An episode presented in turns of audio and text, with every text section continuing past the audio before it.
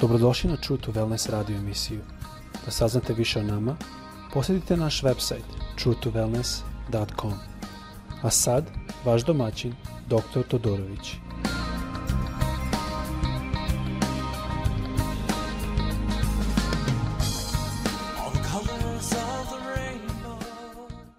Dobar dan i pozdravljam vas iz Floride.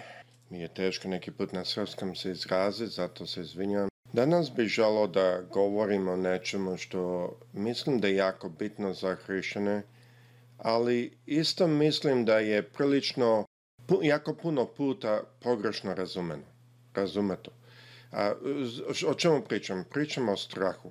Da počet ću s ovim. Jedna stara baka je rekla mom prijatelju koji je isto pilot, ja sam isto pilot, tako da ovo je bilo nešto što smo se malo šali na račun ono što ona rekla. Ona je rekla tom pilotu, dečko, vozi samo sporo i nisko.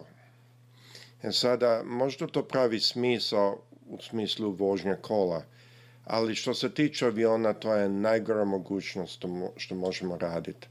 Avion što brže leti, to je sigurniji, to više krila imaju podršku. Što idete sporije, to je bliže, što mi kažemo, stol, u kom slučaju avion može da padne. I isto što više letite, to je bolje, imate više izbori, ako motor ode, imate tu visinu. Ali bez razlike, to je jedan primer da je vrlo lepo namenjen savet nije u stvari dobar. Zašto? Zato što je taj savet baziran u strahu. Mnogi ljudi smatraju i misle da je strah zdrav – strah nije zdrav. Mi to u, nauci zovemo fobija. Biblija isto to potvrđuje, da strah nije zdrav. Ajmo pročitati Matej 10.28, što ovde kaže, ne bojte se onih koji ubijaju telo, ali dušu ne mogu da ubiju, nego se bojte onoga koji može i dušu i telo pogubiti u paklu. Ovde vidimo par stvari što se ovde nalazi. Jedno kaže nam Isus koji govori, znači naš gospod govori, i kaže ne bojte se onih koji ubijaju telo. Šta to znači? On u stvari nam kaže s ne brinemo ljudi, s ne brinemo kada su oni namršteni ka nama. Da nam ne dolazi strah u srce samo zato što su se namrštili. Da se ne plašimo za telo, To je isto važno jer ovde vidite da je razlik između tela i duševne stvari. To on isto ovde pokazuje da ne budemo okrenuti ka telu. Jer ako se brinemo i bojimo od onih koji ubijaju telo, to znači da smo i dalje okrenuti ka telu, da i dalje razmišljamo, da sačuvamo što više, da prođemo što lepše i tako dalje. Nego govori ovde da se brinemo i od onoga koji može dušu da u, u, u paklu ubijen. Drugim rečima od oca. Ovo nije u pitanju strah, možda na ovom drugom, nego više u pitanju strahopoštovanje. Ali ovde nam isto Isus pokazuje da jedna vrsta straha je okrenuta ka telu, druga vrsta straha se brine za našu dušu. To je jako bitno da shvatimo tu razliku. A grčka reč ovde je fobeste, što znači a, strah ili znači da nas je neko uprašio, uplašio ili može da znači da e, strahopoštovanje. Drugim rečima, kada damo nekome čast zato što ga se plašimo. I to je zanimljivo jer ovde isto pokazuje Isus da on ne želi da dajemo nikom drugom čast nego Bogu, Hristu i Bogu Otcu. Zašto? zato što je ta čast isto jedno vrsto, ne znam koja je dobra reč možda, ali a, mi kažemo worship ili službe. Bog želi da samo njemu pripadamo. On ne želi da zavisimo od nikog drugog. Jesus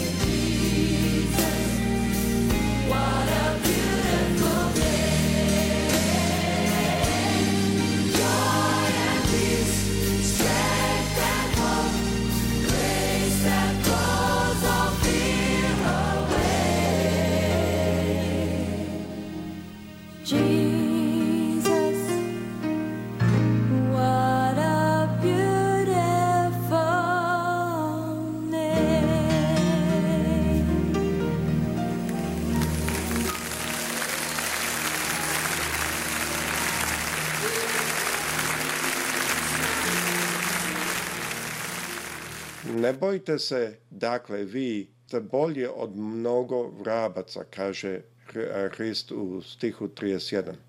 Što to znači? Bog se brinu nama.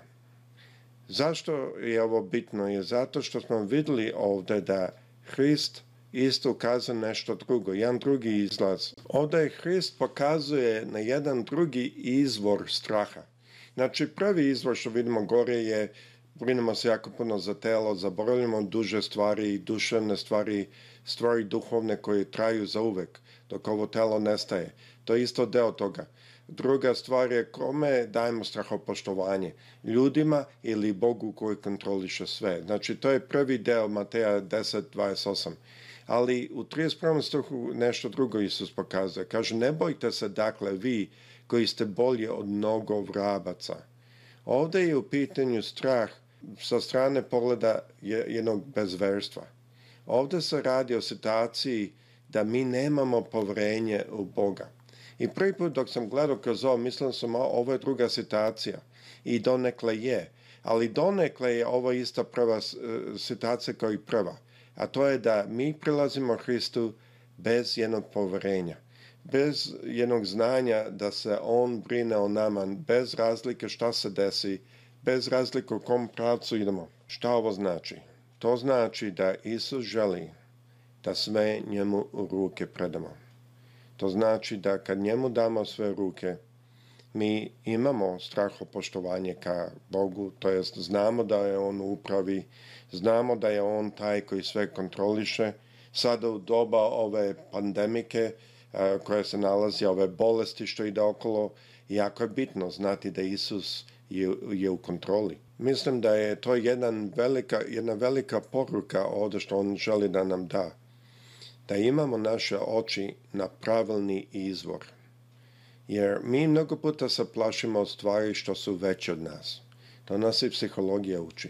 Ali šta to znači je da mi moramo shvatiti ko je u kontroli i ko je taj koji je najveći.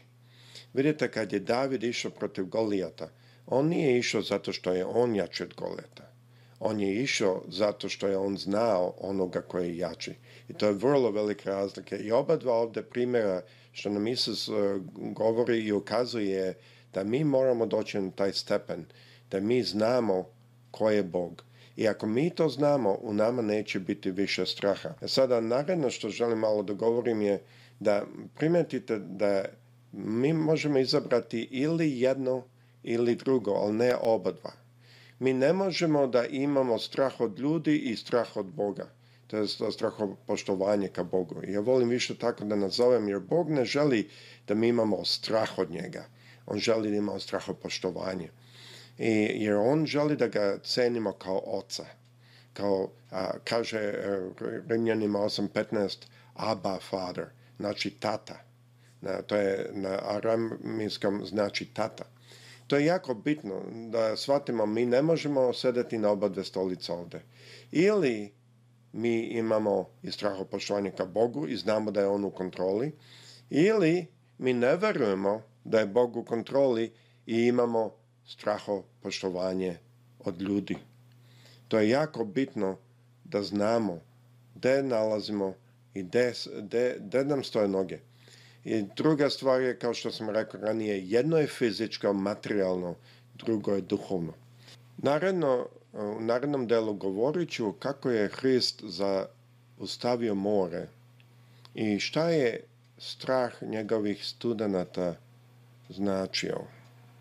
Nadam se da shvatite da je u pitanju jako da kao hrišćani da hodamo ne u strahu, da strah nije znak poniznosti, nego znak da nemamo veru. To je velika razlika. Ako hodamo u strahu, to nije znak poniznosti. To nije da smo mi ponizni i tako smo poslušni i tako fino, lepo hodamo za Bogom. To nije u pitanju. U pitanju je da nemamo veru. A bez vere nije moguće ugoditi Bogu. Tako da sad ću zastaviti ovaj deo E, želimo da stojimo na prilike 10 minuta, 11, 12, možda maksimum. Tako da imate prilike malo razmišljati. Naredno, kao što sam rekao, govorit ću o tome šta je Isus radio na moru i zašto je tu strah bio prva stvar što je on a, e, rešio pre nego što je čudo radio. Tako da pozdravljam vas opet iz Floride, a gostu sam vama svima. Prijatno.